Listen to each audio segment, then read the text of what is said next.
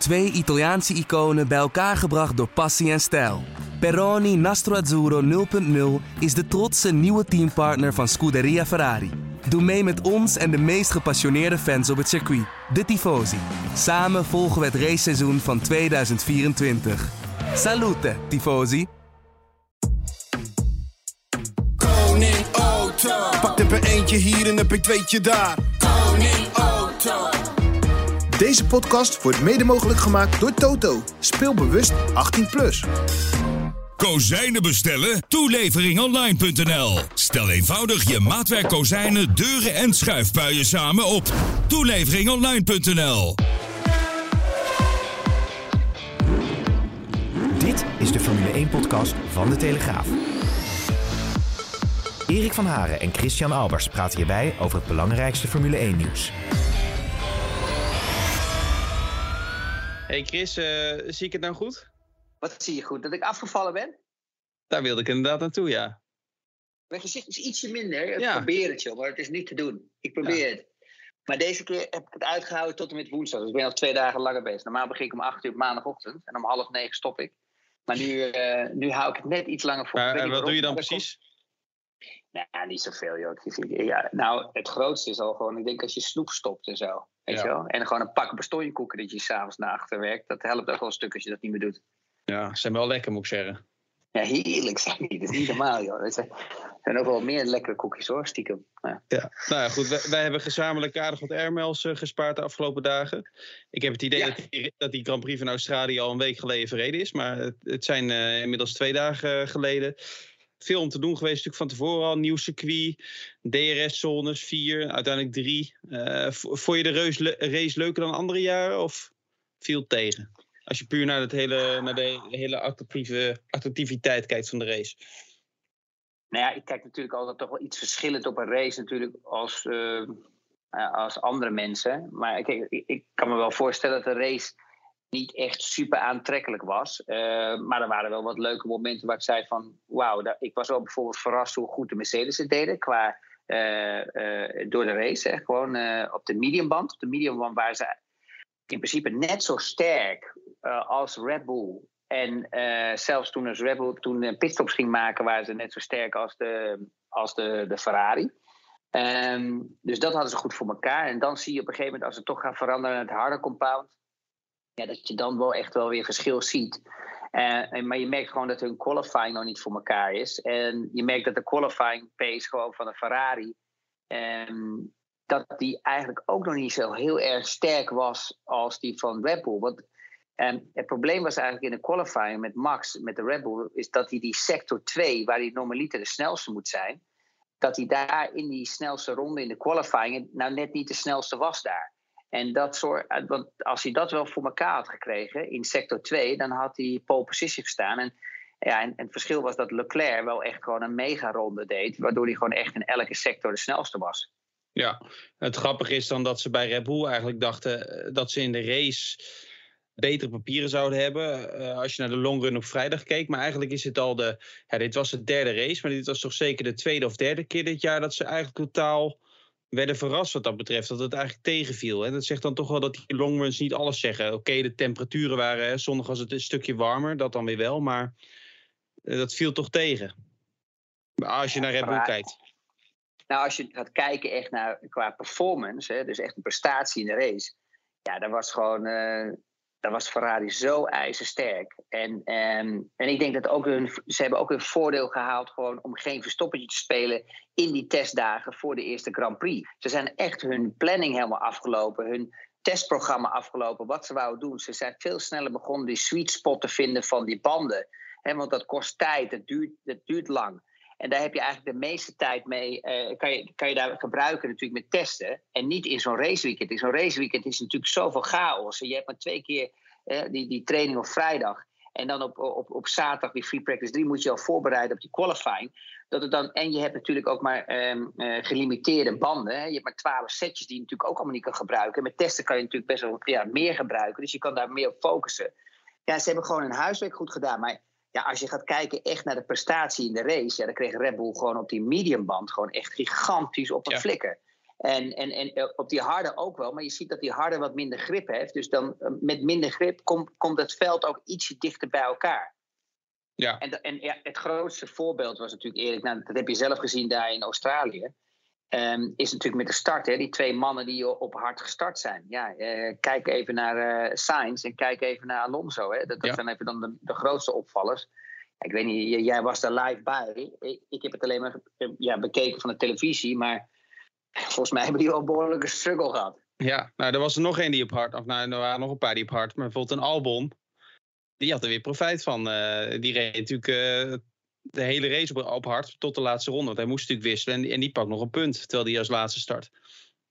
Ja, super slim van het team. En uh, een maximale performance eruit ja. gehaald. Maximaal resultaat ook natuurlijk. Dus ja, uh, hulde voor Williams dat ze dat zo voor elkaar gebokst hebben. Want het is natuurlijk niet makkelijk om zomaar een puntje te scoren. Maar ja, om terug te komen. Als je ziet bijvoorbeeld door Sainz uh, hoeveel bad luck die hebt gehad. Hè? Ik bedoel met de qualifying. Hè? Dat je je ronde af wordt genomen door een rode vlag dan niet genoeg tijd hebt om een scrubronde te doen en dan voor je flying ronde te gaan. Want ze hebben er eigenlijk twee nodig bij Ferrari.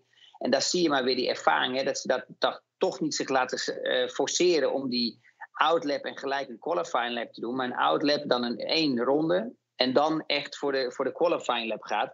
Dat ze zichzelf echt aan het programma houden. Weet je? Ze laten zichzelf niet gek maken. Ze doen gewoon hun eigen ding. Ze kijken niet te veel af naar anderen. Ja, en dat hebben ze gewoon supergoed onder controle. En als je dan ziet ja, dat Sainz dan en hè, rode vlag situatie afgenomen, dan nog een keer die ronde niet kon rijden, ja, dan sta je dus eigenlijk een beetje achter in het veld. Dan moet je geforceerd een andere strategie gaan kiezen. Want het is niet makkelijk om in te halen in Melbourne. Hè. Zeker niet nu die, die, die DRS-zone nog weg is gehaald. Hè, om er dichterbij te, te kruipen. Al is het toch veel makkelijker als al die, die jaren ervoor, zoals vorig jaar. Um, maar dan zie je gewoon dat hij gewoon echt een poepstart hebt. Ja, en dan begint hij ja, gefrustreerd eigenlijk met een soort inhaalrace. Met gewoon te, te koude banden. Weet je, die harde compound, dat duurt gewoon echt gewoon vier, vijf ronden. Hè, drie, vier, vijf ronden voordat er een beetje temperatuur in komt. Vergelijkbaar met de medium die na één ronde een beetje komt, weet je al, twee ronden. Dus dat kan, kan dat dan nog, kan, zit dat dan nog in je hoofd, denk je, als coureur, als, als vlak voor de race je stuur wordt, uh, wordt vervangen, omdat daar een probleem is? Zit dat dan nog in je hoofd, denk je? In zijn hoofd? Nou, nou ja, dat wordt wel gezegd. Maar ja, weet je, dat, dat zijn, het, helpt niet. Maar ik weet niet of het echt een grote stoorfactor is. Want op een gegeven moment, weet je wel, als het de startlicht aangaat, dan ben je zo gefocust en zo geconcentreerd. Um, het kan bij sommige coureurs echt afleiden. En sommigen die hebben de lak aan. Hè. Als je bijvoorbeeld een Kimi Räikkönen hebt, zou hebben, bijvoorbeeld. Of Alonso, die kunnen dat. En Max stappen, die kunnen zich echt daar overheen zetten. Je hebt sommige coureurs die zijn er iets meer gevoelig voor. Ja, dat klopt. Maar in principe was dat niet het probleem. Het probleem was gewoon: eerst heb je een start. En dan, is, dan was hij zo geforceerd bezig om die posities goed te maken. Ja, en dan, en dan zie je bijvoorbeeld dat waar hij eraf vloog in uh, bocht, volgens mij was het 9 of 10, 10 volgens ja 9 geloof ik, waar hij rechtdoor ging. Um, dan zie je ook dat hij dus zo eager is dat hij te snel op het gras, op het gras gaat, weet je wel. En, en daarna heb je ook nog iets gezien van Magnussen. Die had hetzelfde momentje. Maar ja, die liet hem gewoon uitlopen, weet je wel. Die ging niet op het gas, die liet hem gewoon doorrollen. Niet te snel erop. Ja, en, en die, die, ja, die redden het wel. En Sainz, die spinnen natuurlijk. Ja, als we bij Ferrari blijven, het is wel interessant, hè. Want je ziet dat heel veel teams toch worstelen of het nou medium of het de harde band is om, om die rondetijden eruit te krijgen. En bij Ferrari gaat het eigenlijk heel makkelijk. Het enige probleem, probleem zeg ik tussen haakjes dat zij hebben, is, is dat porpoising nog steeds. Um, alleen ja, dat in, in, in tempo, in, in hun race snelheid, heeft het helemaal geen invloed. Want ze zijn verreweg het snelst op dit moment. Ja, maar dat is ook. Dat, dat porpoising op zich is niet het probleem. Hè. Het is pas een probleem eh, als de porpoising plaatsvindt en dat je echt skilling krijgt. Hè. Dus dat wil zeggen eigenlijk dat die houten vloer op het asfalt komt. Hè. En die gaat dan. Uh, dat hoor je ook, weet je wel, uh, in, in de onboardcamera. Uh, dat scrubt speed op het rechte stuk. Maar je moet zorgen dat je die balans vindt natuurlijk. En het gaat eigenlijk altijd gewoon oké om de snelste rondetijd. En als jij je auto omhoog zet hè, om, om de porpoising tegen te gaan of harder veren, of je zorgt dat je minder downforce achter op de achtervleugel hebt, dat zorgt er ook voor dat hij minder heen en weer gaat. Weet je wel, dat je minder downforce hebt, dan heb je ook minder porpoising. Kijk, als je daar de juiste balans in vindt, en dat je dat niet meer hebt, maar je bent er twee seconden te langzaam of een seconde of vijftiende te langzaam, ja, dan moet je toch weer terug naar je, naar je, naar je oude setup. En, en, en dan moet je maar als straf, moet je die porpoising maar ja, te goede nemen, omdat het, omdat het performance geeft. Ja, uh, dus je denkt niet dat het vraagt, even kijken, Matterhorn vroeg dat. Uh, denk je niet dat dat stuiteren van die auto's op de duur dan ja, beschadigingen veroorzaakt aan ophangingen bijvoorbeeld of aan andere onderdelen? Nee, want die onderdelen die worden, die hebben een kilometrage. Uh, dat wordt bijgehouden door het team, weet je wel. Hoeveel kilometers elk onderdeel gereden. Dat is echt niet normaal. Dat is, dat is een pak huiswerk. Daar word je helemaal bang van. Dus uh, elke monteur die head mechanic die moet opschrijven: oké, hoeveel rondes zijn er gereden, uh, welke trainingen zijn er mee gereden. Dat wordt allemaal genummerd. Dus uh, elke hoek, elke wisboom, elke aandrijfas, alles wat op de auto zit, wordt bijgehouden. En dat wordt gewoon continu vervangen. Um, wat wel, denk ik, echt schadelijk gaat worden, en dat zou je nu niet hebben, maar dat zou je, dat zou je, ik denk dat je dat pas gaat hebben aan het eind van het jaar is dat um, ja, die, echt die nek van die coureurs, dat is natuurlijk echt wel gigantisch. Ik, denk, ik kan me niet voorstellen dat dat gezond is. Nee, ja, Magnus heeft er al veel last van. Maar ja, die heeft natuurlijk een jaar niet in de Formule 1 gereden. Die zei uh, ja, dat hij echt wel een jasje heeft uitgedaan wat dat betreft. Ja, maar kijk, Erik, het is ook zo tegenstrijdig. Hè? Je hebt de FIA die elke dag werkt natuurlijk voor de veiligheid van de Formule 1-coureurs. Alles moet veilig zijn, uitloopzones, head protection, halo, ga zo maar door nu hebben we de infrastructures voor. Is 15% moet het meer energie kunnen verwerken achter. Uh, de auto is zwaarder geworden. Alles is nog meer veiliger geworden. En dan zit je met een coureur die stuitert op het rechte stuk. Waar gewoon zijn nekwervers kapot van gaan. Weet je wel? Ja, dus ja, weet je, het is, het is, het is ook weer soms zo maf. Hè? Het, is zo tegen, staat tegenover elkaar. Ja, ja, nee, dat heb je. Ja, misschien uh, op den duur dat dat minder wordt. Hè. Je, veel teams zullen natuurlijk uh, de auto nog, of nou veel, dat zullen ze allemaal doen, de auto nog flink doorontwikkelen. Uh, en dat zullen ze toch, zullen toch niet ideaal vinden, laat ik dat uh, voorop stellen. Maar Red Bull is ook bijna de enige die het echt goed voor elkaar heeft. Ja, bij Red Bull is het toch grappig. Die hebben het eigenlijk op de zesde dag van de test, dus de laatste dag die zaterdag in Bahrein. Toen kwamen ze met die, met die flinke update op die auto. En eigenlijk was het toen, ja, ik wil niet zeggen van de een op de andere dag daar weg, maar toen zag je het al bijna niet meer. Terwijl ze de dagen ervoor er wel last van hadden. Ja, en ik hoor ook gewoon in de paddock, hè, met de mensen die ik, waar ik af en toe spreek natuurlijk, want ik wil natuurlijk wat insights hebben en zo, weet je, of ook zelf. Eh, ik weet zelf ook niet altijd hoe alles werkt natuurlijk, dus, eh, dus ik verdiep me erin. En als ik dan zo'n rondje bel, dan merk ik ook wel dat het niet eens meer eigenlijk gaat om de, wie de meeste downforce heeft het gaat er eigenlijk ook om, hè, dus de neerwaartse druk zeg maar, die je naar beneden drukt. Dat het ook gaat om echt de juiste balans te vinden. Hè. Dus uh, bijvoorbeeld, je ziet dat uh, heel veel teams gefocust hebben om juist een iets minder grote vleugel achterop te zetten. Hè, waardoor ze dus minder druk hebben. Waardoor ze ook minder last hebben van die porpoising. Ja, ja, over balans in de auto, daar was, uh, is Verstappen nog niet bepaald tevreden over bij de Red Bull. Uh, uh, ik, ik, ik, toen ik hem zaterdag na de kwalificaties uh, als je dan de uitslag niet wist van de kwalificatie, dan had je bijna het idee dat hij twaalfde uh, had gekwalificeerd in plaats van tweede. maar dat, dat zal toch zorgen baren binnen het team dat het niet één probleem is. Hè? Je, hebt, je hebt je topcoureur die eigenlijk niet tevreden is over de auto, in ieder geval niet over één ronde. Je bent nu twee keer uitgevallen met een brandstofprobleem. op de banden heb je het heel lastig, in ieder geval op die mediumband in dit geval. Ja, de achterstand op Ferrari is wat dat betreft toch wel immens. Ja, nee, maar ten eerste is natuurlijk, uh, Ferrari heeft gewoon op dit moment gewoon de beste auto. Hè? Die heeft gewoon ook het meeste downforce. Daarom zie je ook altijd de sectoren op een circuit waar veel uh, bochten zijn. Veel low speed, veel medium speed. Dat ze gewoon echt gewoon, ja, onverslaanbaar zijn. Als je gaat kijken naar, naar high speed rechte stukken, daar is gewoon de Red Bull beter. En dat komt gewoon dat ze veel minder drag hebben. En ze hebben natuurlijk ook minder downforce. Dus ja, dat is twee keer. Hè, 1 en 1 is, is 1 plus 1 is 2. Dus dat betekent dat ze in de sectors waar lange rechte stukken zijn en high-speed eh, bochten, dat ze daar uh, sterker zijn dan een Ferrari. Dus je moet hopen op circuits van um, uh, langere, zoals Imola, zoals we nu hebben gehad in Jeddah. Op zich had Max niet heel veel punten hoeven te verliezen. En had hij er dichtbij kunnen kruipen. En dan, en dan natuurlijk hopen op die updates. Weet je wel, als je naar circuits komt waar je echt naar low speed en medium speed gaat. Want dat hebben ze gewoon echt nodig, want daar liggen ze achter. En als je dan ook gaat kijken door zo'n race heen, ja, dan is het ook een hele simpele verklaring waarom gewoon de Ferrari zo snel is. Want als je gewoon meer downforce hebt, heb je ook gewoon minder scrub op je banden. dus je hebt minder onderstuur, je hebt minder dat de band glijdt over het asfalt, want daar wordt er meer op gedrukt. Dus dan heb je ook minder temperatuur. En dat hebben de Red Bulls wel. En dan zie je gewoon dat Max uh, ja, gewoon echt tijd verliest. Kijk, en Max is toch echt wel een serieuze uh, coureur. En ook een racecoureur die zich nog, nog, nog eens aanpast aan de auto door de race heen. Hè. Als hij naar overstuur gaat, dan forceert hij die auto wat meer in de bocht. Als hij naar onderstuur gaat, dan remt hij ietsje meer in de bocht erin. Weet je, dat, dat is zijn natuurtalent en dat is ook het unieke van Max.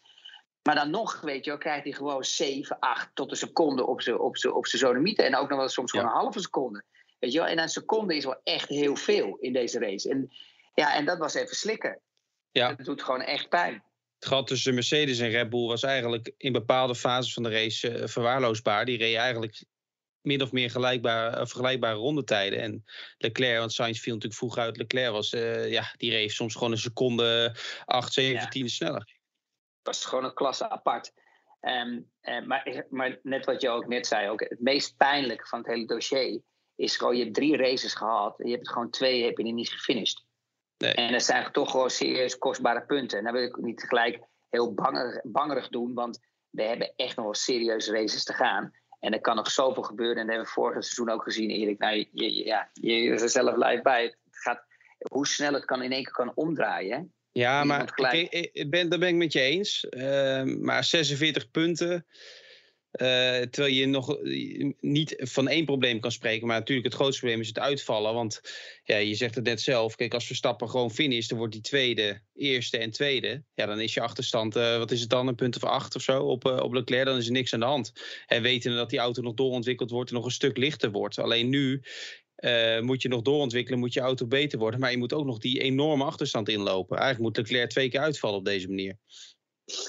Ja, maar het gaat natuurlijk wel hard. Hè? Ik bedoel, we hebben nog heel veel races te gaan. Kijk even naar vorig seizoen. Uh, uh, vette dikke pech met, met Max in Baku, Hongarije. Ik bedoel, als je het één keer gebeurt natuurlijk bij Leclerc en Max kan winnen dan, dan, en, en de snelste ronde kan rijden, dan loop je 26 punten in. En dan heb je nog maar 20 punten. Dus het gaat heel hard natuurlijk. Ja, dus samenvattend, ja, Ferrari heeft het best voor elkaar, maar Verstappen is nog niet, kan, is nog niet uitgeschakeld.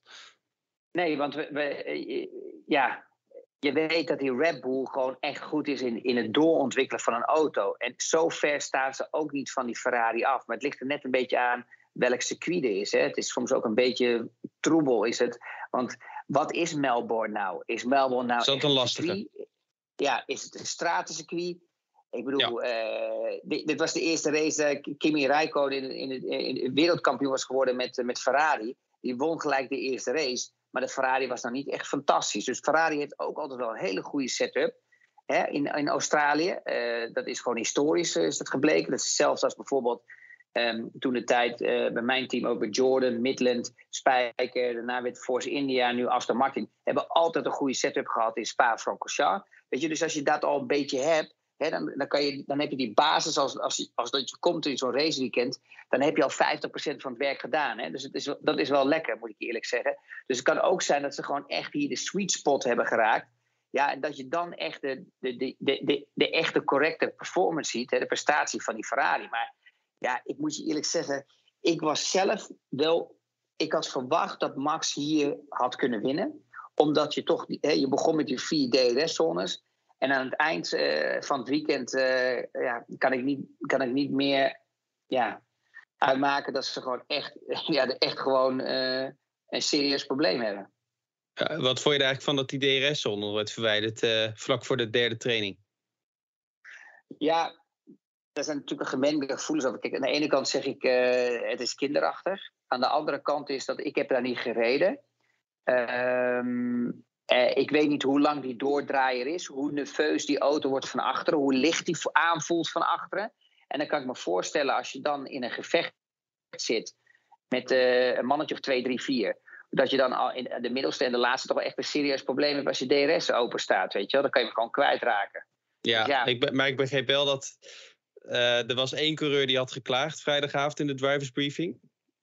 En dat was ook de coureur die zaterdag uh, in de kwalificatie uh, telkens het snelste was in de tweede sector. Dus die had het goed bekeken. Ja. Alonso. fantastisch. Ja, dat was toch goed. Maar ik vind, het wel, ik vind het wel raar als er één coureur uh, in zijn drivers briefing, die trouwens heel lang duurde, maar dat ging ook over piercings en dat soort dingen.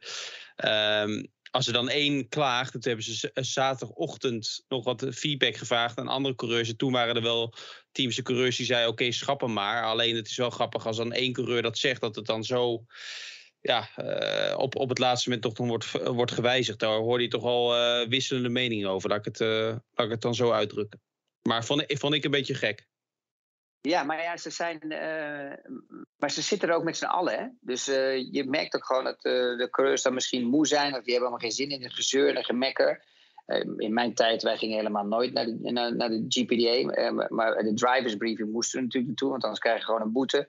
Maar je hebt soms ook wel eens momenten, weet je, waar iedereen gewoon geen zin heeft in het gemekken, weet je wel. Ik kan me wel de tijden herinneren van Nick Heidveld. Ja, voor elk hobbeltje begon hij te zeuren.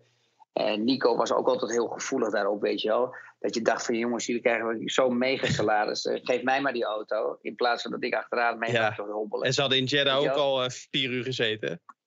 Twee weken ervoor. Dus die hebben misschien wel gedacht, nou dat komt wel goed. Laat die wedstrijdleiding maar beslissen. Maar ja, dan hebben ze toch wel eens jij foto op het tuintje laten springen. Want dat is toch wel een probleem. Voor wie? Ja, dat was een fout, hè? jij, jij karretje laten spannen? Ja, voor het karretje laten spannen, ja. Ja, ja, ja. Nou ja, goed. Mijn, hoe was thuis bij Viaplay? Was het niet heel vroeg elke dag? Ja, jij, jij zat er toch Oh man, dat was niet normaal. Ja. Het is ongelooflijk dat die anderen allemaal zo fris en fruitig staan, maar ik had er wel echt moeite mee. Ja, jij belde mij nog een paar uh, keer, maar uh, toen klonk je nog redelijk uh, scherp wel, moet ik zeggen. Ja, maar toen was ik al een half uurtje onderweg, hè. Dus toen, oh, moest ik al met in, mensen in praten en zo. Dus ik denk, ja, want anders ga je me natuurlijk uitlachen aan de telefoon. Maar uh, nee, het was wel zwaar. Uh, omdat ik, uh, ik moest sowieso heel veel reizen. Ik kwam ook ehm, uit, uit andere landen voordat ik naar Nederland kwam. En dan had ik ook al slecht geslapen. Dus het waren wel echt eventjes... moest, moest even, even, moest, moest even aanpoten, zeg maar. Ja, voor mij was het ook zwaar hoor. Ik heb toch met die jetlag, uh, is wel wat lastig. Maar Melbourne, je bent er zelf. Ik denk dat jij daar ook graag kwam als coureur. Het, is wel, uh, het was ook zo, het was elke dag gewoon meer dan 100.000 man. Hè? Uiteindelijk 420.000 mensen over drie dagen. Niet normaal. Ja, en dan heb je ook een echt een leuk weekend. Weet je wel? Omdat je dan omdat je dan eigenlijk denkt op een vrijdag al over... zijn we al bezig met zaterdag, weet je wel? Want is, er zijn zoveel mensen. Donderdag zelfs al, toen er nog geen... Ja, toen reden die supercars en zo. Maar toen was het al, en je hebt die festivalachtige sfeer. En die coureurs komen natuurlijk allemaal via die Melbourne Walk aanlopen. Daar staat het vol, uh, staat het zwart van de mensen. Het is echt een, uh, je krijgt er echt zin in in zo'n weekend. Dat, dat doen ze echt goed daar. Nou, heb jij er altijd zin in? Want dan ben je even weg van thuis. Dus vind je altijd gezellig. Dan heb je eentje. Je bent net zo'n eindselganger dat ik ben. Alleen je geeft het niet toe. Maar, je, maar, als je daar aankomt, vind ik ook echt dat je in een warm bad komt, weet je wel. Die mensen zijn relaxed, weet je wel. Liepen ze ook, was het lekker warm? Liepen ze allemaal met... Uh, ja, het werd elke dag warm, ja. ja, ja, ja ik, en, en ik vind die hotels zijn allemaal oké daar zo. En ja, het is gewoon gezellig met al die, ja, met die straten. is allemaal gezellig, weet je wel. Al die winkelstraatjes, dingetjes. Het is gewoon een heel gezellig, ja, een gezellige stad. En mensen zijn ook relaxed. Hè. Uh, komt het niet vandaag, komt het morgen. Wij zijn allemaal natuurlijk van, oh, het moet allemaal nu gebeuren. En gas erop. En allemaal stress, stress, stress. Die, die hebben dat niet. Ja, en net wat je zegt, dan, dan, dan heb je ook nog dat water, dat park. Eh, weet je, het geeft gewoon iets. Ik weet niet wat, maar het is gewoon... Nee, het is een van mijn uh, favorieten om te komen. De races vallen vaak tegen, maar qua hele sfeer en beleving in de stad. Ja, en het, het was nu het voordeel, het is normaal natuurlijk vaak de eerste race. Nu was het de derde. Hè. Normaal zit het mediacentrum met de journalisten helemaal vol. En nu was er eigenlijk bijna niemand. Dus uh, werktechnisch is dat voor mij ook wel lekker. Want dan heb je uh, in de paddock met veel meer mensen kun je spreken. Want er zijn veel minder mensen. Dus je, minder mensen, dus je kan veel makkelijker off the record even een praatje maken. En dan hoor je juist uh, ja, de meeste info hoor je daar. Hè. Dat, dat is natuurlijk het leukste. Dat je wat dingen hoort die ze onder record niet zeggen. Of in persconferenties. Dat je, ja, dat je steeds meer te weten komt. Hey, wat, wat, wat, grappig was eigenlijk, wat wil ik eigenlijk aan jou vragen. Want uh, ik stond natuurlijk van het weekend in de studio. Maar Stefan doet natuurlijk die interviews op het circuit. Um, en ze had eigenlijk weer echt gewoon echt een heel leuk interview met Max gewoon. Weet je wel, echt gewoon super relaxed ook. Weet je, hij is veel relaxed als vorig jaar. Hoe, gaat het bij jou met die interviews nu? Merk je dat hij daar echt in gegroeid is? Dat hij rustig is geworden? Of? Ja, ik vind Max. Um, ik heb pas ook iets teruggezien daarvan. Maar ik, eh, want jij wees mij daarop. Maar ik, dan zie ik gewoon de Max. Uh, hoe ik hem ook ken en hoe ik ook met hem spreek. Gewoon heel relaxed, open. Ik moet ook zeggen, dit weekend ook weer. Hè. Zondag valt hij uit voor de tweede keer dit jaar. Zaterdag was hij niet tevreden over de auto. Maar dan maakt hij daarna, neemt hij alle tijd. Uh, rustig, ook al uh, zelfspot, een beetje ouwe hoeren. Het is, ja, hij zit gewoon heel goed in zijn vel. Maar eh, ook, eh, je komt daar die persconferentiezaal in via de perskamer. Dus, en ik zat daar toevallig op die rij. Nou, toen was die vrijdag een beetje te vroeg. En ja, Hamilton stond er ook al. En dan, gaat hij, dan komt hij ook gewoon even vijf of tien minuten even een beetje ouwehoeren. En dan gaat het helemaal niet over racen, maar gewoon een beetje... hij zit gewoon goed in zijn vel. Maar dat, ja, dat, dat is niet iets van vandaag of gisteren hoor. Maar ja, hoe ik hem in de interviews zie, wat ik ervan gezien heb. Ik heb niet zoveel van Viaplay gezien, maar ja, dat verbaast mij niet. Nee. Nou ja, ik vind, niet omdat ik er gewoon zit eigenlijk, maar dat is natuurlijk ook fout dat ik iets over ga zeggen, want uh, iedereen zal wel zeggen dat ik niet objectief ben, maar ik vind dat Stefan die interviews heeft, weet je, ze krijgt toch Toto Wolff aan de camera, ze krijgt iedereen aan de camera, je ziet gewoon dat die gunfactor nu een beetje begint te komen. En het is gewoon leuk om gewoon weer weet je wel, wat anders te zien weet je wel, in de Formule 1. Dat je gewoon wat interviews kan zien. Dus ik vond dat ze dat heel goed deden. En het viel me op dat Max zo super relaxed was, weet je wel. Ja, Toto was tegen mij ook heel relaxed dit weekend. Dus misschien had hij een goede bui. Ja, dat kan. ja, dat nou, kan ja. En, en uh, bijvoorbeeld ook Fred Vasseur. Uh, ik was met een Franse collega van L'Equipe. Die, ja, die ging even tien minuten, kwartier uh, koffie drinken. Maar dan, ja, dan, hoor je, dan hoor je echt veel interessante dingen. Dat is wel leuk om, om te zien hoor. Ja, daar leer je veel van. Ja, ja, zeker. Net zoals van deze podcast. Um, zijn er nog dingen als we naar de race kijken, Chris, die je opvielen? Volgens mij bij de start, daar wil je nog iets over zeggen. Nou ja, de start was eigenlijk. Uh, het was gewoon een redelijke start van Max. Leclerc had gewoon een goede start. Gewoon goed normaal, dus eigenlijk weinig posities verwisselen. Dan had Perez een iets betere start als, als Max. Maar Max deed gewoon heel slim bij de eerste bocht. Hè. Die, die, die, die, die, die, die pakt zijn momentum, hè. Die, die stelt hem, die, die, die, die legt hem eigenlijk al een beetje op de ideale lijn neer, zijn auto. Weet je, waardoor hij dan al na gaat denken wat er in bocht 2 gaat komen. Dat hij hem dan erachter kan zetten bij Leclerc. Dat hij misschien die slipstream kan pakken naar bocht 3 toe. Uh, je ziet dat hij dus verliest, hè, Max, met de start. En je ziet dat hij gelijk al na gaat denken van... oké, hoe, kan ik, hoe kan ik zo dicht mogelijk aansluiten... om echt te kijken waar een andere mogelijkheid is. Dat zorgt een beetje voor problemen voor uh, Perez. Want Perez moest daardoor ietsje eerder van het gas af. Hè. Die moest even die ruimte laten om Max te laten leven. Ja, en dan krijg je Lewis uh, Hamilton natuurlijk, die gewoon een oude vos is. Net zoals uh, Alonso altijd. Ja, die ziet gewoon een gat. Die is ook beter gepositioneerd. Dus die kan gewoon wat laten remmen. Ja, die zet hem er gelijk tussen. Dus die haalt de derde positie. En, en, dan, en dan krijg je een moment uh, van Russell, die, die, had ook een redelijke start. Ja, die, die kan dan in principe gelijk Lewis ook volgen. En dan heb je een probleem met Sainz natuurlijk. Ja, die valt gewoon helemaal dood. En ja, die, die, die heeft dan gewoon echt gewoon een weekend van pech, weet je wel. Het stapelt zich op. Maar alleen, eigenlijk alleen vanaf de zaterdag qualifying. Want als je gaat kijken op vrijdag en op zaterdagochtend... en zelfs qualifying ronde nog voordat hij die, die, die, die, die, die, die benchmark heeft gezet voor, voor de rode vlag... zat hij er gewoon fantastisch bij. Die hoorde er gewoon bij, bij, op de eerste startrij te staan. Ja. En uh, dat is hem gewoon niet gelukt. En zo'n momentje had je bijvoorbeeld ook met Vettel, weet je. Dan krijg je gewoon een motor die, je, die kapot gaat op vrijdag. Dan krijg je een, momentje waar je eraf vliegt. Dan krijg je een, een, een, free practice waar je weer een probleem maakt. Dan moet ik ook zeggen dat hij, dat hij ook dan ook niet rustig het opbouwt hè, in het weekend. Hij was te, ook te greedy, weet je, te gretig om gelijk die snel te laten zien dat je, hè, dat je een talent bent. Dat je rondetijd tegelijk staat. Ja, en dan, en, en dan word je eigenlijk overvallen door, door een soort overstuurmoment waar je hem kwijtraakt. Ja, die heeft gewoon echt een zwaar K-weekend gehad. Maar echt een zwaar K-weekend. Hetzelfde is voor Sainz. Uh, Precies hetzelfde. Nou, en dan heb je nog in de race heb je natuurlijk momenten waar je natuurlijk, die, uh, ja, waar, waar je natuurlijk als coureur echt niet vrolijk van wordt. Dat je een paar van die pannenkoeken tussen hebt zitten die natuurlijk een one-stopper gaat doen. Zo'n Magnussen en Albon, die gewoon het hele veld ophouden. Nou, dan vreet je als coureur echt het stuur bijna op. Want die komt er gewoon. Die uh, begint op de harde band en dan de later one En dan doorrijden. Ja. En gewoon ja. doorrijden, doorrijden. Totdat, je, totdat ze zeggen: joh, hopelijk komt er een safety car. En dan pakken we het moment. En that's it. Het enige waar ik wel zei, als qua strategie zijnde, waar echt een fout was gemaakt. Um, was van, uh, uh, wat mij opviel, was Lewis Hamilton. Omdat Alonso achter hem reed. En die moest ook een pitstop nog steeds maken daar had hij makkelijk een, een free pitstop kunnen pakken. Weet je wel? Dat hij zegt van oké, ik ga nog eens een keer die laatste. Nog een keer die medium of zo. Ja, juist. Want daar waren ze gewoon echt competitief. Dus, eh, maar dat zag je ook vorig jaar, dat, als, dat de strategie van Red Bull ook vaak sterker was als die van, van, uh, uh, van Mercedes. Uh, maar daar hebben ze wel geslapen, want daar hadden ze nog wel iets kunnen doen. Ja, en dan is het natuurlijk even zuur voor Lewis dat Russell dan net wel het geluk heeft met de safety car. En zo waren er een paar meer natuurlijk, ook Con ook, en ga zo maar door. Ja. Dat ze wel eh, zeg maar eigenlijk een gratis pitstop kregen. En, en dat, ja, dat is racen. Maar dat is natuurlijk wel echt vervelend. Want ja, binnen in zo'n team heb je natuurlijk wel de strijd. Je, je eerste, je eerste ja, vijand, zeg maar, als het ware, of je, je competitie, is natuurlijk je teamgenoot. Ja. En Ja. die wil je verslaan. Wat Albon eh, betreft was nog grappig. Die, die kwam dus voor zijn laatste ronde naar binnen. Voor zijn, voor zijn stop. Maar ja, of misschien bij sommige mensen bij de Formule 1 die dat niet meer wisten of zo. Want er waren al wat VIP-gasten. Die mogen dan al eh, naar de pitlane. En die stonden allemaal al eh, in de pitstraat, zeg maar. Een aantal mensen. Dus Dat die moesten snel weer... eh Ja? Dat is niet op tv geweest. Maar die moesten snel weer teruggehaald worden. Toen denk ik, kwam Albon binnen. Maar die moest natuurlijk nog stoppen.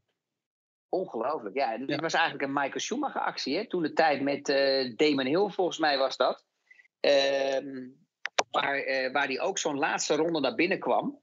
Om eh, eh, eh, toch de, de overwinning te pakken, weet je wel. Die had, die had toen eh, wat extra benzine nodig, geloof ik, hè? Uit mijn hoofd. En hier gaat het natuurlijk echt dat je, dat je nog echt op een ander compound moet gaan rijden. Dat het Ja. bij, de, bij de regels is. Ja. Dus ehm, ehm, ja, ik vond het wel echt heel eh, slim van ze. En het heeft ze ook, doordat ze zo slim zijn geweest en zo hadden kunnen, eh, alles kunnen managen, hebben ze gewoon een punt gescoord. En ik kan je vertellen, dat is met een Williams niet makkelijk nog het hele seizoen. Nee, nee. Want de schade die gereden is door Latifi, dat, is, eh, dat doet behoorlijk pijn aan het budget. Ja, ja Aston Martin zit nu ook wel aardig in de papieren. Ja. ja, maar je ziet bijvoorbeeld bij Aston Martin. Erik vind ik wel echt, en het, de- dat verbaast me dat iedereen zo verbaasd is dat het team het zo slecht doet. Ehm, nou, het verbaast mij helemaal niet, want het team deed het zo goed omdat ze gewoon een kopie hebben gehad. Van, jaar. natuurlijk van de Mercedes, ja, van één jaar. En je zag dat het jaar erop, dat ze toen, toen ze het moesten doorontwikkelen, dat Mercedes dat wel oppakte tegenover Red Bull. Maar natuurlijk dat Aston Martin die gewoon niet meer bij kon benen. Die kon gewoon die, die ontwikkeling niet doorvoeren. Ja, en dat, en dat komt nu ook terug. En ik, ik merk ook gewoon binnen in het team, als ik met met mensen spreek, dat het echt gewoon een drama is met, met, met Stroll, die overal er vol bovenop zit.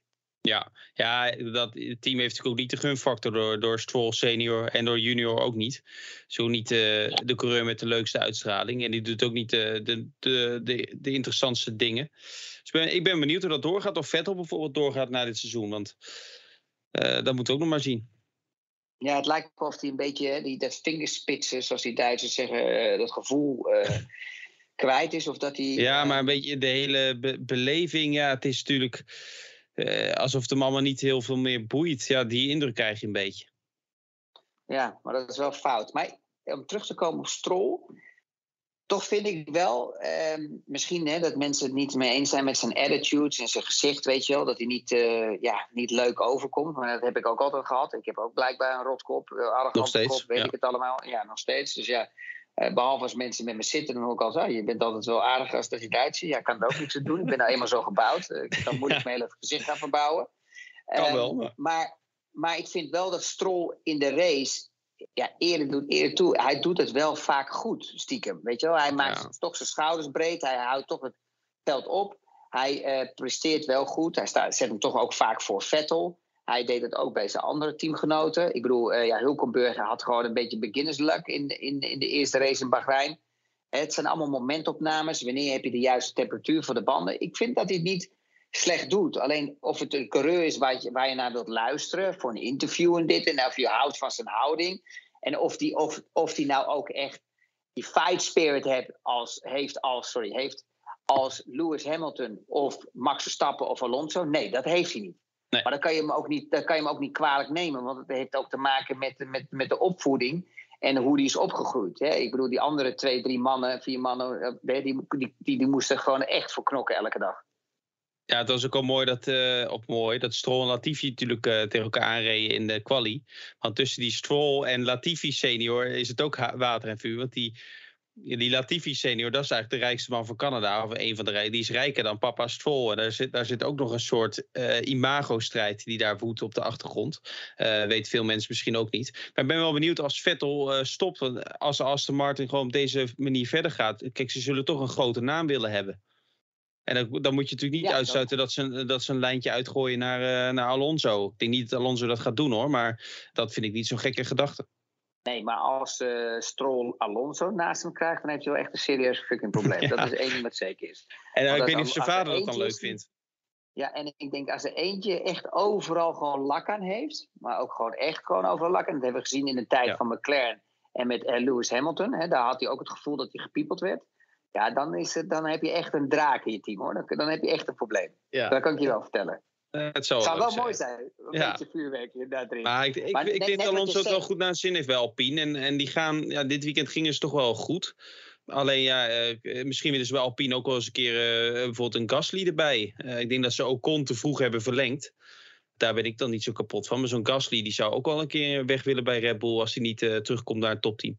Ja, ik vind ook bij, bij Alpine, ook zelf in het team, hè, kunnen ze nogal veel meer doen. Hè, qua Ik bedoel, wat die Schaffenhausen, die had die, zijn eerste weekend natuurlijk dan in, uh, ja. of in, wait nou. Tweede weekend, uh, Jeddah. Jeddah, ja. ja, Jeddah, tweede weekend. Nou ja, sorry Erik, maar wat die, wat die, wat die deden, ik begrijp het echt niet. Hoe kan je je teamgenoten oh zo laten vechten op het circuit, dat je zoveel tijd verliest, weet je wel. Je weet niet eens wat er aankomt, weet je wel, na 10, 20 ronden later. Dan moet je toch gewoon zorgen dat ze gewoon dat ze gewoon wegrijden, dat ze elkaar de ruimte geven, dat ze weten dat ze kunnen concentreren. Dat ze niet, weet je, dat Alonso niet in de spiegel hoeft te kijken van oké, okay, geef hem nu de ruimte of andersom. Weet je, dat ze echt kunnen doorpakken. Ik vond het echt gewoon echt amateuristisch, om heel eerlijk te zijn. Ja, en Red Bull, denk je dat ze. Het zijn toch twee verschillende problemen geweest hè? met de benzine. We weten niet helemaal exact wat er nou eh, gebeurd is met die auto van Verstappen. Maar kun je dat nog ergens in een groter plaatje zien? Dat, uh, die problemen waar die vandaan komen, denk je? Is het de nieuwe brandstof, die E10-brandstof, of is het iets heel iets anders? Nee, ik denk dat het echt te maken heeft met. Uh, ja, ik denk dat het echt te maken heeft gewoon echt met, uh, met, met, hun, met hun benzinepomp. Maar ook misschien de leidingen. Het is, het is heel moeilijk ja, om, daar, om daarop in te gaan. Want weet je, ik, ik heb die auto niet uit elkaar gehaald. Ik weet niet hoe die auto in elkaar zit. dat weet alleen het team je moet zeg maar zo zien dat je, je hebt een fuel tank, je hebt een collector en je hebt een liftpomp. Ja. Uh, die, waar het allemaal doorheen gaat. Dus je hebt, uh, weet je, het is eigenlijk heel ingewikkeld. Je hebt een liftpump, hè, die moet zeg maar als het ware van de fuel tank het omhoog pompen in de collector. En dan heb je een primer pump. En dan heb je een high pressure pump. Ja? ja. En dan, uh, dan zijn er dus bijvoorbeeld een paar bijvoorbeeld van het team. Hè? Dus zeg maar de twee twee zijn van het, die list, het zijn twee van de FIA. Of die worden gemaakt door een Italiaans bedrijf en die andere is ja. uh, van Team. Nee, de liftpump is van uh, Team. Ja. De primer pump is van Marelli. Ja, en de, en de high pressure pump is van Bosch. Dus de Marelli en Bosch die zijn van, uh, van de FIA. die, zijn van, die zijn van de FIA. dus in principe mogen, daar mogen ze niks aan veranderen. Dus alleen de liftpump. Dus ik heb het gevoel dat die liftpump, dat kan het enige zijn wat niet goed is. Of bijvoorbeeld de leidingen naar de motor toe. Want je, je merkt ook wel eens uh, bijvoorbeeld dat, uh, dat hadden ze ook wel eens met auto's. Hè, des te uh, agressiever de fuel wordt. dat heb je wel eens vroeger, dat is eigenlijk wel een beetje historie. Met de F40, de F40's, die gingen wel eens, de Ferrari F40's, de oude auto's, gingen, gaan vaak mhm. in de brand. Als je de benzinetank niet verandert. En um, dat heeft ook te maken dat gewoon de benzine wat nu wat agressiever is geworden. Dus het kan ook zijn dat bijvoorbeeld, bijvoorbeeld benzineleidingen niet goed zijn, en dat ze daarop ja. gaan lekken. Uh, het kan van alles zijn. Maar in ieder geval, die, die, die, die twee pompen van de FIA, dat lijkt me stug dat dat het is. Ja, die eerste keer was dat in ieder geval niet het probleem. Toen uh, Perez en Verstappen uitvielen. En ja, Helmut Marko zei nu ook, ja, misschien is er een, iets met een leiding of zo. Maar ja, we zullen het moeten onder, onderzoeken. Kijk, je ziet al gelijk bij, als die uitvalt, dan wordt er gelijk naar de motor geweest. Maar dat is nog helemaal niet bekend of dat, uh, het kan ook iets heel anders zijn. Uh, Marco zei, het is zeker ja. niet de motor. Ja. Maar ik denk dat het wel te maken heeft met de, met de liftpump. Want die moet het van de, van de, van de benzinetank naar de collector krijgen. En ja. vanaf de collector in principe dan is het eigenlijk iets wat een standaard onderdeel is van de FIA. Dus daar moet het wel ergens zijn. Ja, we krijgen nu toch wel. Uh, kijk, Red Bull die moet ook die auto lichter maken. Want ze zijn uh, volgens Marco meer dan 10 kilo zwaarder dan de Ferrari. Wat wel grappig is, meestal gebeurt de eerste Europese race nemen veel teams natuurlijk grote updates mee. Dat zal nu ook al gaan gebeuren. Maar bijvoorbeeld bij Ferrari zeggen wij, wij, nemen, helemaal niet zoveel mee. Want onze auto is en goed. En in Imola volgende week is het uh, een sprintweekend. Dus je hebt maar één training. En daarnaast gelijk kwalificeren. Er zit natuurlijk ook nog wat in. Als je die luxe hebt natuurlijk. Super georganiseerd. Ja, wat moet ik over zeggen? Ja. Super ongelooflijk professioneel. Die weten gewoon, en dat is ook uh, Laurent Mekkies, daar heb ik vroeger mee gewerkt in 2005. Hè, die is daarna naar de FIA gegaan. Daarna is hij dus nu, zit hij nu weer bij Ferrari. Dat was gewoon echt, eh, weet je, dat is gewoon een super nerd. Die gewoon echt, eh, ja, je kent hem zelf ook. Je hebt hem Ja. ontmoet. En, en, en hij is gewoon echt georganiseerd. Het is gewoon, hap, we pakken een programma, we maken het op, we schrijven het op en we zeggen: oké, dit, dit en dit en dit gaan we doen. En dat is gewoon het belangrijkste, weet je. En dat je het niet laat gek maken en laat afwijken daarvan. Maar precies net wat je zegt. Als je maar één training hebt, wat kan je in godsnaam in één training vinden? Het circuit is nog green, dus dat wil zeggen dus dat, dat het circuit nog helemaal glad is. Er zit nog geen rubber in die gaatjes van het asfalt, dus je hebt minder grip. Wat wil je dan in godsnaam uitproberen in, in, in, in, die, in die hele korte tijd? En dan ga je de qualifying in. Heeft helemaal geen zin, dan maak je jezelf alleen maar gek. Dus op dat opzicht zitten ze, hebben ze helemaal compleet gelijk dat ze dan naar, Barcelona gaan focussen, dat ze daar iets gaan doen. En hetzelfde wat ze gedaan hebben, is precies ook met die wintertesting. Weet je, wat, hoe bedoel je sandbaggen en dat soort dingen allemaal? Laten we gewoon zorgen dat we zo snel mogelijk op snelheid zijn. En gaan fine-tunen. En gaan kijken hoe en die auto leren kennen. En die nieuwe banden leren kennen. Nieuwe bandenregels met de banden warmen 70 graden. Dat soort dingen allemaal. En dat Ja. zie je dus ook in de race. Iemand komt eruit rijden, die krijgt een setje harde banden. Nou, je ziet gewoon vroeger waar je een undercut kon doen. Moet- Denken ze er nu wel twee, drie keer over na. Waarom? Omdat die outlap, die is gewoon niet snel genoeg. Je hebt gewoon te lang nodig met, die, met, die, met het harde compound of met de banden om die op temperatuur te krijgen. Dus ja, iedereen probeert zo lang mogelijk te rekken om buiten te blijven. Niet als eerste meer naar binnen te gaan. Maar ik, heb bij Red Bull moeten ze ook eh, nog flink afvallen, wat ik net al zei. Dus eh, misschien kunnen ze dat Ja. dieet van jou gaan volgen. En nou, dit is gewoon heel simpel. Dus gewoon een beetje, eh, s ochtends een beetje yoghurt. Kijk, jij hoeft het niet te doen, want ik weet niet wat jij in je buik hebt zitten. Maar er zitten Ik kan eten wat ik wil. in. Ik heb net weer zo'n hele. Mijn vriendin had van die. ja, wat, nou, wat is, ik wou zeggen Red Bull, jij maar. hier naar zo'n, ziekenhuis in Nederland gaan, weet je, was kijken naar tropische ziektes. Het Weet had net van die, lekkere, van die lekkere snoepjes, van die winegums. Van die. eh, Oh, heerlijk. Ja. Ja. Je maakt me gek, man. Ja, maar en, en wat ge- gevaarlijker ik zit nu dus nu in Amerika. En eh, ik hoef jou niet te vertellen hoe het eten hier is natuurlijk. Dus ja, weet je, Nee, maar ik, ik, had, ik, ben, ik weet met welke maatschappij je bent gevlogen. Ik had ze even gebeld dat ze niet met eten langs moesten komen. En ik begreep dat ze zich daaraan hebben gehouden.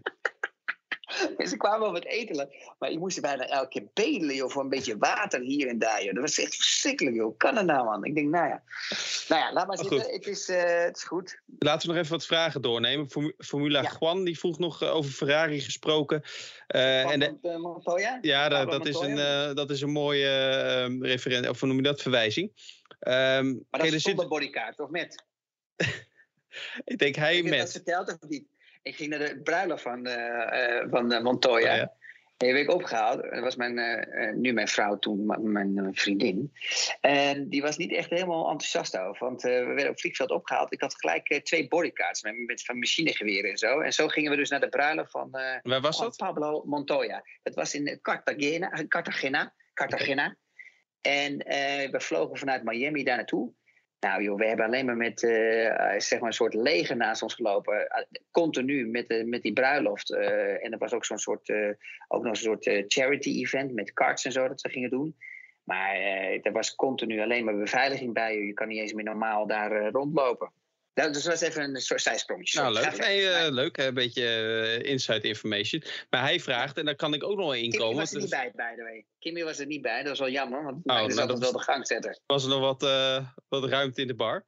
Ehm, maar hij zegt terecht, kijk, Ferrari heeft het ook de, ook in 2017, 2018, eh, dan, dat ze het ook in één keer helemaal kwijt zijn. Hè? Dat ze allemaal fouten gaan maken.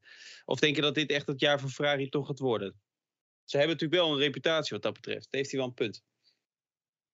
Eh, ja, ehm, het ligt natuurlijk ook aan, natuurlijk, hè, je moet altijd ook kijken naar de situatie. Als bijvoorbeeld eh Red Bull met echte updates komt, als Mercedes natuurlijk onder controle. Mercedes-auto heeft echt veel downforce. Alleen het probleem is, ze komen er gewoon niet uit. Dus praktijk en theorie, die matchen totaal niet met elkaar. Daarvoor vind ik het ook zo stom dat ze gewoon niet met eh, de wintertesten gewoon echt gewoon daarop gefocust hebben. En dan zie je dus maar dat je wel een fantastisch team kan hebben. Dat je dus een, een, een windtunnelmodel kan hebben wat fantastisch is. Maar dat de, dat, de, dat de praktijk toch altijd anders is de theorie. Ja, de vraag Eh, ging over Ferrari. Ja. ja, ja, sorry. Maar Ferrari, ja, eh, precies hetzelfde. Op dit moment hebben ze natuurlijk een gigantische sprong gemaakt. En ze, en ze hebben nou eenmaal die voorsprong op de rest. Dus het is nu natuurlijk aan Ferrari om die voorsprong te behouden. Ja, of eh, te zorgen dat ze niet ingehaald worden. Ehm, en, en ja, dat heb je gezien in het verleden. Maar ik was ook zo gigantisch onder de indruk van Leclerc. We hebben het wel met z'n tweeën vaak over gehad, dat het me toch elke keer verbaast hoe die jongen aan die rondetijden komt. Want als je, als je ziet hoe die uit de bocht komt met power oversteer en wild en alles, dat je denkt van ja, hoe kan jij nou de snelste zijn? Maar hij doet het toch, dus ik moet toch elke keer weer even gaan slikken en mijn woord terug moet nemen. Want als je nu bijvoorbeeld ziet hoe volwassen die was. Hè, en hij heeft natuurlijk ook heel veel ervaring. Ik bedoel, toch al een tijdje rijdt nu bij Ferrari, bij Sauber. Dus hij heeft net zoveel jaren achter zijn rug als Max, zelfs nog één jaar extra volgens mij. Um, als je dat ziet. In de Formule 1 bedoel je? Ja, in de Formule 1. Hebben ze gelijk nee, Estelle? Nee joh. Leclerc is uh, 17 of 18 pas begonnen. Max in 15. Ja, maar, ja, maar, maar Leclerc is toch iets ouder als Max? Precies, uh, twee weken jonger. Twee weken jonger. Oké, okay, maar welk jaar kwam Leclerc welk jaar kwam Max? Zat Max al één jaar eerder in als hem? Of nee, Max twee jaar eerder, denk ik. Max begon in 2005. Oh. En Leclerc, ik, ik zoek het gelijk even op. Ga door. Wat ik ongelooflijk vond, is dat als je ziet bijvoorbeeld vorig jaar de laatste race, hoe Max dus uh, Lewis irriteert en ernaast gaat met die safety car. En hoe kalm eigenlijk Leclerc blijft en hoe oplettend. En dat, waar ik echt van onder de indruk was, is dat hij op het idee kwam om Max in Jeddah de laatste bocht gewoon naar buiten te duwen. Dat hij gewoon rechtdoor liet lopen. Van Max, uh, jij stoer doen tegen mij. Jij aan de buitenkant ernaast zetten. Oké, dan laat ik hem toch gewoon rechtdoor doorlopen. Waardoor Max eigenlijk geforceerd bijna buiten de baan kwam. Maar dat was natuurlijk zijn eigen schuld. Want hij wou natuurlijk ernaast zitten. Hè, om net zo snel op het gas te kunnen. Dat je dat momentum hebt. En daar vond ik hem heel erg in goed. En als je gaat kijken ook bijvoorbeeld de, race, de races waar ze echt close racing hebben. Dat hij geen fouten maakt. En je ziet dat hij dat nog wel doet in een free practice. Maar dat mag ook, want daarvoor heb je een, een vrije training. Maar ik vond dat hij daar wel echt in gegroeid was. En dat hij eigenlijk stiekem weinig fouten maakt. Ja, dus die ver, verrast in positieve zin. 2018 gedebuteerd, hè? dus drie jaar minder. Dan drie jaar later begonnen dan Max. Zo, ja, ik, dacht dat twee jaar, ik, ik, dacht even dat hij twee jaar bij Sauber had gereden, maar maar één jaar. Toen gelijk naar Ferrari, 2019, uh, naast Vettel. Uh. Ja, en toen Vettel de nek omgedraaid? Ja, toen won hij ook zijn eerste race, maar dat was natuurlijk dat jaar met... Uh, uh, met die, met die bandstof, uh, bandstoftoevoer van Ferrari, waar veel over te doen was. Maar, maar uh, wat jij zegt over Leclerc, dat zeggen meer mensen hoor, in de paddock. Je bent daar niet alleen in. Dat je, dat je toch af en toe afvraagt hoe goed hij nou is. Maar dat hij nu toch wel iedereen serieus verrast. Ja, want kijk, als je gaat kijken naar de, de, de, het jaar dat Sainz met Verstappen reed in Toro Rosso, waren die toch ook wel, ja, toch wel gewaagd aan elkaar. Dan zag je wel op een gegeven moment dat Max een beetje die overhand kreeg. Ja, en toen is in Max in, in, in, in, in, in, in ja, zo gigantisch hard gegaan in de ontwikkeling. Vooral ja. naar de qualifying. Ja. Hè? Want de qualifying is echt. Maar als je dan nu gaat kijken naar Leclerc.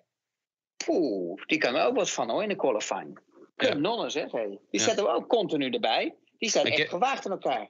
Maar het is nu voor Max, denk ik, in deze auto harder werken. En weet je waar je, dat zie je ook goed door het verschil met Perez. Dat verschil is veel kleiner dan vorig jaar op zaterdag. En daar is Max natuurlijk ook niet blij mee, want hij weet dat hij er veel verder voor moet staan. Ja, maar Als dat je naar zijn eigen kwaliteit kijkt.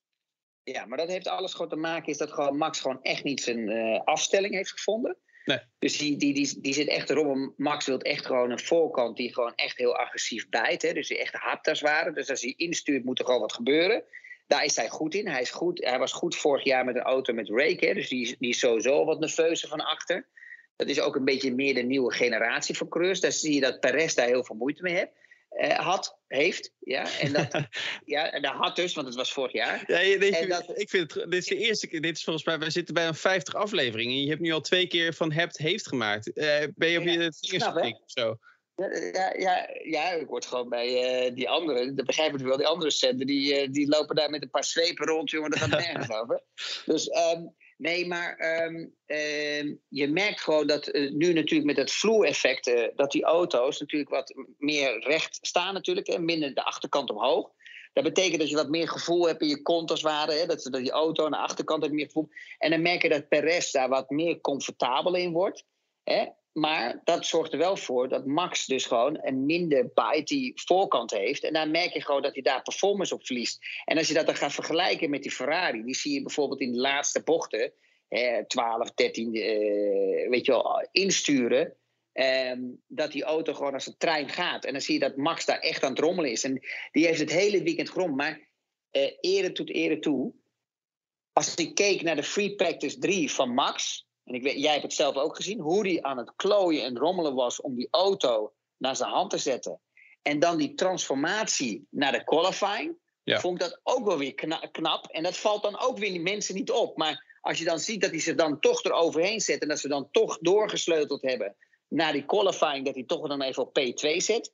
Ja, maar en, en zelfs als hij in de qualifying erin was geslaagd om één rondje echt goed aan elkaar te knopen, dan had hij op pol kunnen staan. Correct.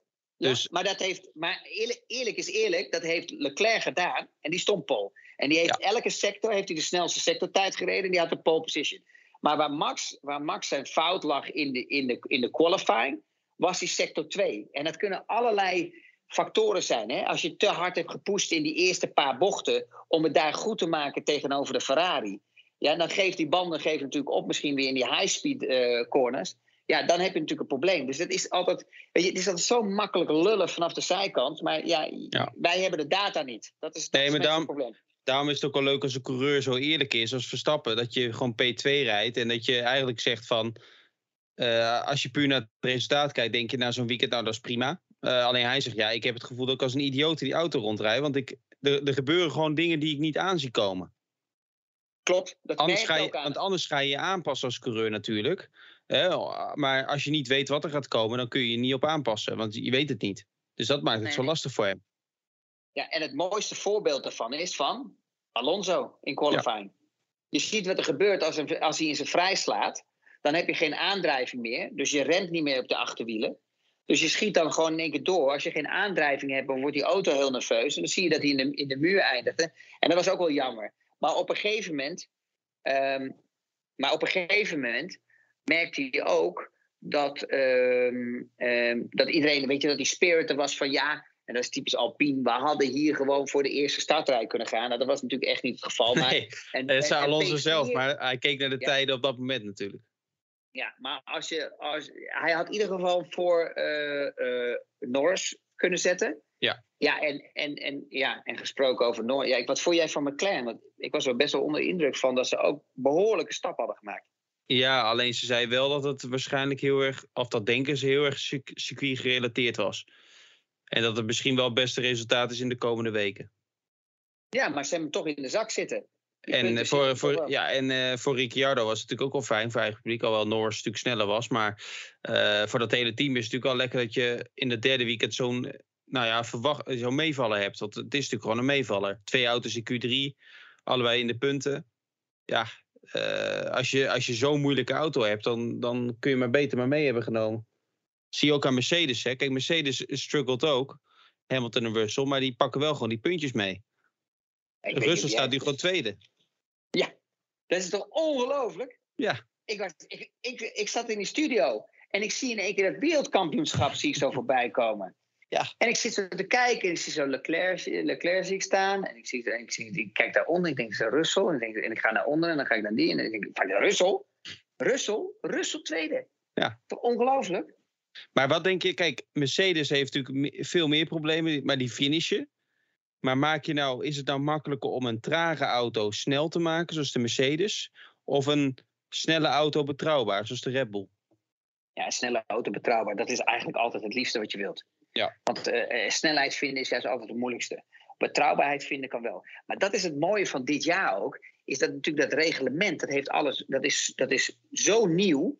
Dat je natuurlijk ook de onderdelen krijgt. Daarvoor hebben ze ook zoveel problemen met die gewichten. Ze moeten heel veel onderdelen weer nieuw maken. Maar als je natuurlijk al een paar jaar dezelfde reglementen hebt. eh, Ja, dan, kan je, dan kan je continu die onderdelen verbeteren en lichter maken. En nu ga je eigenlijk weer een heel nieuw proces in. Dus je hebt zwaardere onderdelen. Dus dat ga je nu allemaal weer herontwikkelen. Her, je wel, structureren. Alles weer nieuw maken. Kijken waar je het lichter kan maken. En dat is, ja, dat is wel weer mooi nu. Dat is natuurlijk wel echt weer een uitdaging voor die teams. Ja. Eh, laten we nog even twee vragen. Eh, ja, Willem die vraagt, is misschien wel leuk om te vertellen. In hoeverre teams inzicht hebben in de data van de andere teams. Zoals hij zegt, bij, hoe konden ze bij Red Bull precies weten dat de banden van Leclerc veel minder op temperatuur waren bij de herstart naar de safety car? Ja, zij hebben. ehm, ja, zij kunnen niet zien, volgens mij, de temperatuur van de, van de banden van andere teams. Dat is Nee, ik denk, dat ze de, ik denk wel dat ze, eh, misschien dat dat het was, dat Leclerc zelf in de tijdens safety car daarover klaagde. En zij luistert wel mee. Juist. Uh, ik denk dat dat het in dit geval is. Maar ze hebben natuurlijk al heel veel andere GPS en dat soort dingen. Maar met de temperatuur denk ik ook niet dat je dat één op één zou hebben. Maar ook daar ging hij bijna fout. Heb je gezien met de herstart? Dat hij gewoon in de laatste bocht gewoon onderstuur had. Onderstuur, waardoor. Max hem, waardoor Max hem eigenlijk ernaast kon zetten. Dat was ook een moment van Max dat hij hem voorbij had kunnen gaan. Um, maar nee, dus de, de teams, je hebt wel data van de, van de, van de FIA. Hè, dus daar kunnen ze zien op die beeldschermen. Dus ze kunnen Daardoor konden ze ook zien bijvoorbeeld dat uh, low speed, uh, dat soort dingen allemaal bij andere uh, circuits wat andere teams deden, hoe snel ze zijn. Um, dus ze kunnen wel zeg maar die grafieken zien als het ware, die je wel eens ziet. Hè? Dus omhoog en beneden, weet je, dat maken de bochten vormen als het ware. En daar kunnen ze hun grafiek overheen leggen. Dus dan hebben ze een soort overlay, waardoor ze kunnen zien of ze sneller of langzamer zijn in bochten. Is niet helemaal nauwkeurig, maar wel redelijk goed. Um, dus dat kunnen ze wel zien. Maar de rest kunnen ze kunnen niet zien. Uh, motortemperatuur, bandentemperatuur, dat soort dingen allemaal. Nee. nee, ik zag pas, ik had met de performance engineer van Max over. Die, dat is dan de, zeg maar de dataman. Want wij kunnen natuurlijk wel die data zien, die mini-sectoren.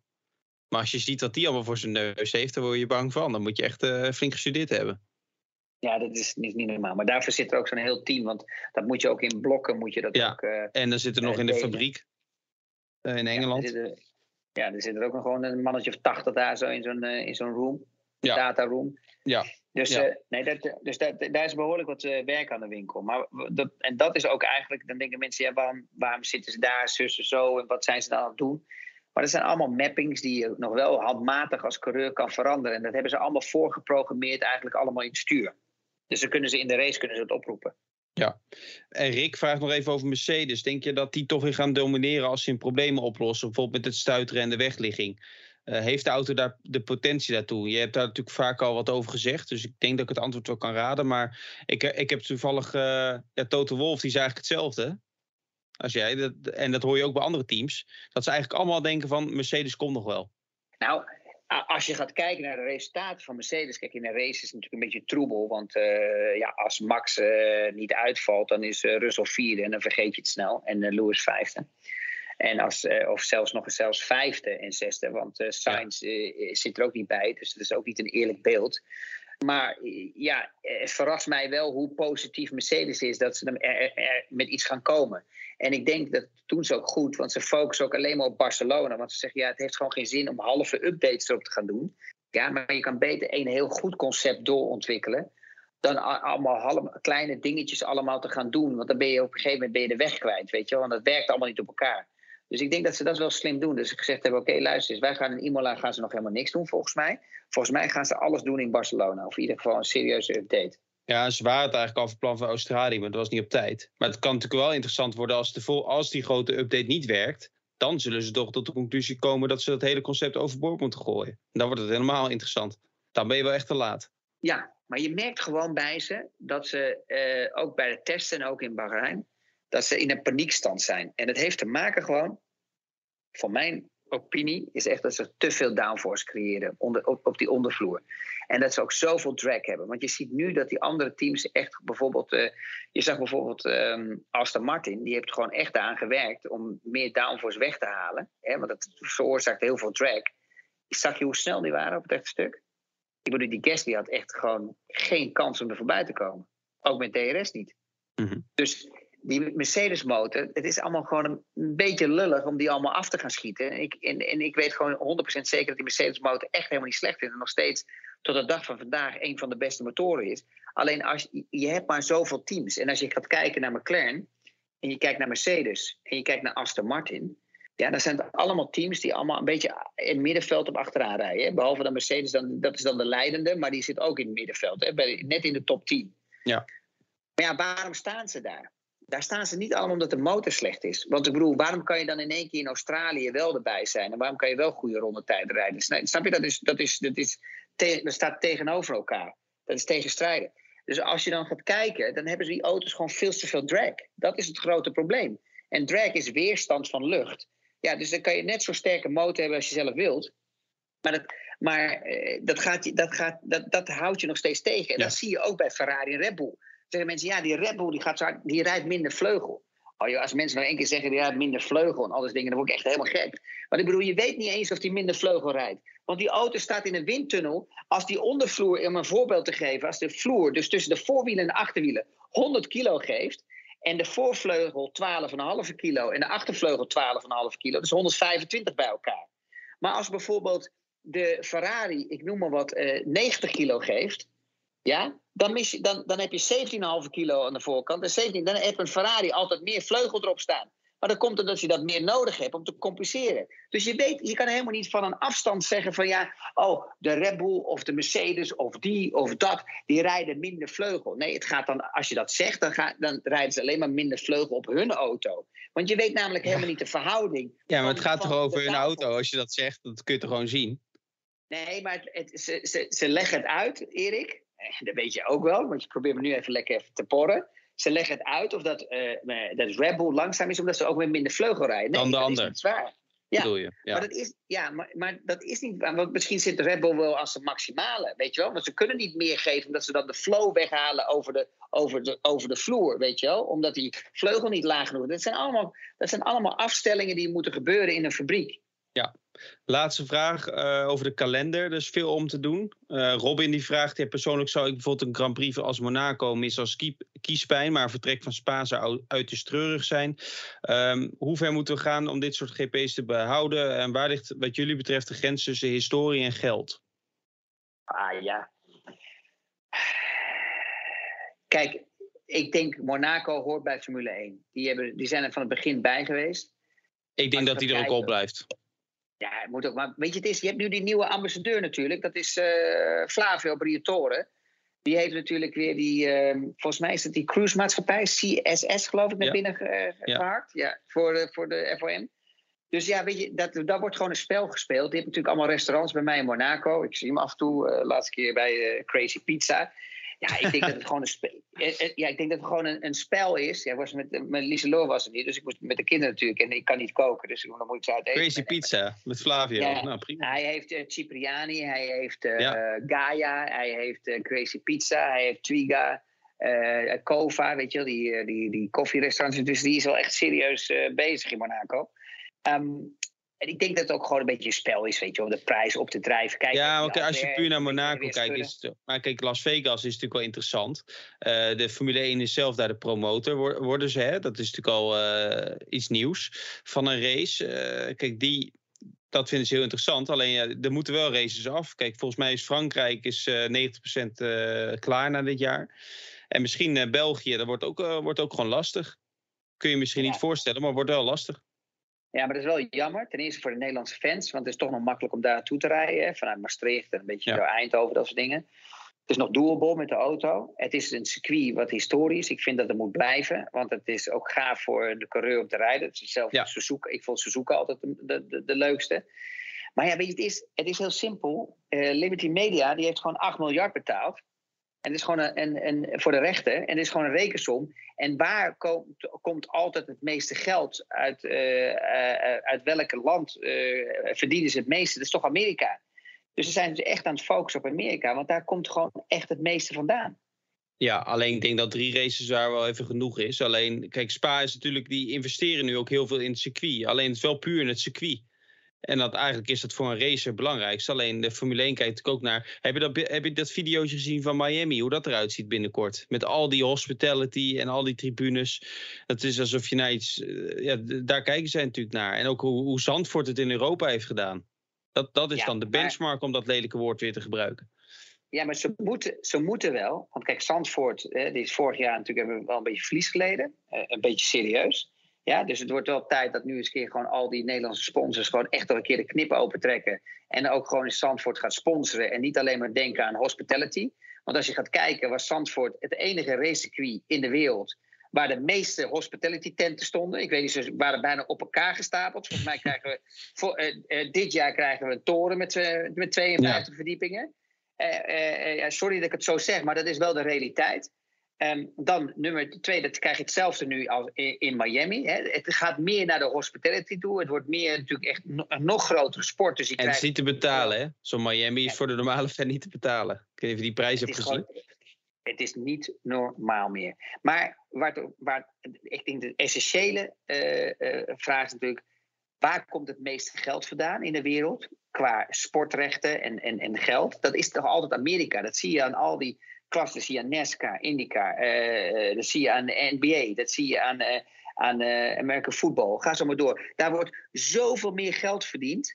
Ja, dat, dat, ze wel moeten naar Amerika. Ze moeten naar Amerika. Ze moeten daar drie, vier wedstrijden hebben. Want dat, ik denk dat die drie wedstrijden net zoveel oplevert als, als de hele tour van Europa en Azië. Ja. Het is echt niet normaal hoeveel geld daaruit uh, komt. Dat is voor, de, dat is voor, voor Liberty, Liberty Media is dat gewoon een, een must. En uh, ja, ik ben benieuwd voor uh, Miami. Ik ben er volgende week, dus ik ga kijken. Ja, oké. Ja, en uh, ja, ik denk, ik, ik, ja, ik denk dat Frankrijk, wat ik zei, eraf gaat. Spa, ja, of ze moeten gaan roleren, maar dat kan ook nog een probleem worden. En 2000, waarschijnlijk krijg je in 2024 ook Zuid-Afrika er weer bij. Uh, zelfs die, die gesprekken zelf, lopen zelfs nog voor volgend jaar, maar dat wordt waarschijnlijk te vroeg. Maar dan wordt het 24, dus dan wordt het meer en meer. Maar ja, dan moet ook af, want de komende jaren mag er niet veel meer bij. De 24 is de max de komende jaren, dus. Maar ik heb niet zoveel moeite met, uh, met Frankrijk. Ik weet niet wat jij ervan vindt. Nou, ik vind er niks aan. Nee, dat bedoel ik. Ja. maar ik vind het wel een mooi circuit. Ik vind het wel een mooi circuit. Ja, mooi testcircuit. Alleen, ja, mooi testcircuit. Ja, daar heb je gelijk in. Maar het is gewoon, het is, het is geen old-fashioned circuit. Ik wil gewoon in een circuit dat als je een foutje maakt, dat je gewoon afgestraft wordt. Ja, nou ja in Las Vegas. En dat zag je in Melbourne ook. Ja. Melbourne lekker door de grindbak heen en muur, dat gaat zo maar door. Dat vind ik mooi. Dan krijg je een mooie Grand Prix, dan krijg je safety cars, dan krijg je weer die nieuwe opwarming. Weet je, opwarming van de banden. Wie, is, wie is er wakker, wie is er niet wakker? Ja, nee, ik ben het helemaal met je eens. Dus uh, volgende week gaan we ook over, nou ja, wat is het, anderhalf week naar uh, Imola. Ook uh, de laatste twee jaar met veel plezier geweest. Maar nu voor het eerste keer met publiek, hè, dus, dat ik er ben. Dus dat vind ik al mooi om te zien. Ja. Met Ferrari aan kop. Dat zullen de mensen vast leuk vinden. Ja, maar uh, ook Red Bull deed het vorig jaar niet verkeerd. Hè? Perez was daar snel, hè? die stond op de eerste rij, hè? die stond tweede. Ja, die, uh, ja, die stond tweede, ja. En uh, Max P3 en die won toen, ja. Die pakte helemaal toen in die eerste chicane. hey Chris, dank voor je tijd. En, ja, als jullie dit een leuke podcast vinden, gewoon laten weten op de socials. Hè? De door Chris zo geliefde socials. En op de podcast-apps. Laat recensies achter, want dan worden we beter gevonden. Ik wilde er pas weer twee mooie bij. Die heb ik je nog naar je doorgestuurd. Normaal stuk ja. altijd al die, uh, die trap door. Leuk, maar die, ook de negatieve mag je ook zenden hoor, nee Erik. Gewoon, nou, gewoon ja, maar met, ik heb, dan moet ik even een extra iCloud abonnementje. Dan moet ik even extra opslag hebben, denk ik. Maar ik, ik, ik heb wel een tip voor, tip voor de mensen die het niet leuk vinden. Hey. Oh, luister gewoon niet. Ik zou gewoon niet. Ja, luister gewoon. ja. En er is één iemand die stuurt mij elke week als ik een oproep doe, uh, doe voor vragen, dat, dat die uh, niet luistert omdat jij erin zit. Alleen, ja, dat is een beetje het, uh, het principe van deze podcast, dat wij die met z'n tweeën doen. Dus waarom je dat, me dat elke week laat weten? Alsof het toch weer een teleurstelling is dat jij erin maar waarom nodigen we die niet gewoon eens een keer uit? Joh? Ja, laten we even leuk. inbellen. Maar, nou ja, gewoon, maar gewoon ook gewoon een keer bij de, gewoon bij de studio. Dat we gewoon zeggen van, joh, kom eens een keer gewoon gezellig bij ons langs. Dan kan je zien hoe we het maken en zo. Dat vind ik hartstikke leuk. Maar mensen denken allemaal zo makkelijk. Ja, maar mensen denken er allemaal zo makkelijk over en zo. Maar het is niet zo makkelijk als dat, uh, als nee, dat ik, het eruit ziet. Ik kreeg, ik kreeg deze op, even op mijn Instagram. Ik had een fotootje van Melbourne gestuurd. Stuurde iemand die ik niet ken, stuurde een leuk beroep heb jij voor een update op YouTube en stukje in de Telegraaf. Perfecte baan. Dan denk ik, die, mensen denken dat we ja, gewoon gek, dat er één stukje maken. Hele, het probleem is ook, het probleem ligt ook gewoon bij de wereld. Iedereen krijgt een platform. Weet je, en de mensen die het leuk vinden, die zeggen niks. En de mensen die gewoon, uh, die gewoon, die zijn gewoon mensen die gewoon de hele dag alleen maar lekker lopen te zeiken. Nou, laat ze lekker zeiken. Ja. Veel succes ermee. Um, maar ze zien natuurlijk niet dat jij gewoon uh, s'avonds tot uh, 11, 12 uur pas het circuit afgaat. Omdat je al die fuckstukjes moet schrijven. Ja, want uh, mensen willen het allemaal lezen. En dan worden nog eens keer, al die koppen worden ook nog eens een keer veranderd dat je niet wilt. Want er moet ook allemaal, hè, je wilt zoveel mogelijk klikjes wil je allemaal hebben. Nee hoor, veel, maar dit, nou dit, dit, weekend scoort het wel allemaal heel goed. En slecht nieuws scoort ook, blijkbaar. Ja. Nou, het maar, is eigenlijk heel mooi altijd. Weet je wat Denzel en Denzel Washington zijn? Nou? Vroeger ging het eigenlijk alleen maar om de waarheid. Hè? De journalisten ging het alleen maar om de waarheid, om stukjes te schrijven. En tegenwoordig gaat het alleen maar om de snelheid. Dus er wordt helemaal niet eens meer gecontroleerd of iets waar is of niet waar is. De druk staat er zo groot op in de journalistiek om continu maar met nieuwtjes te komen, dat ze niet eens meer checken of het waar is of dat niet waar is. En dat vond ik eigenlijk wel mooi, moet ik eerlijk zeggen. Maar het is eigenlijk mooi als het in het Engels wordt gezegd altijd. Het ja, precies.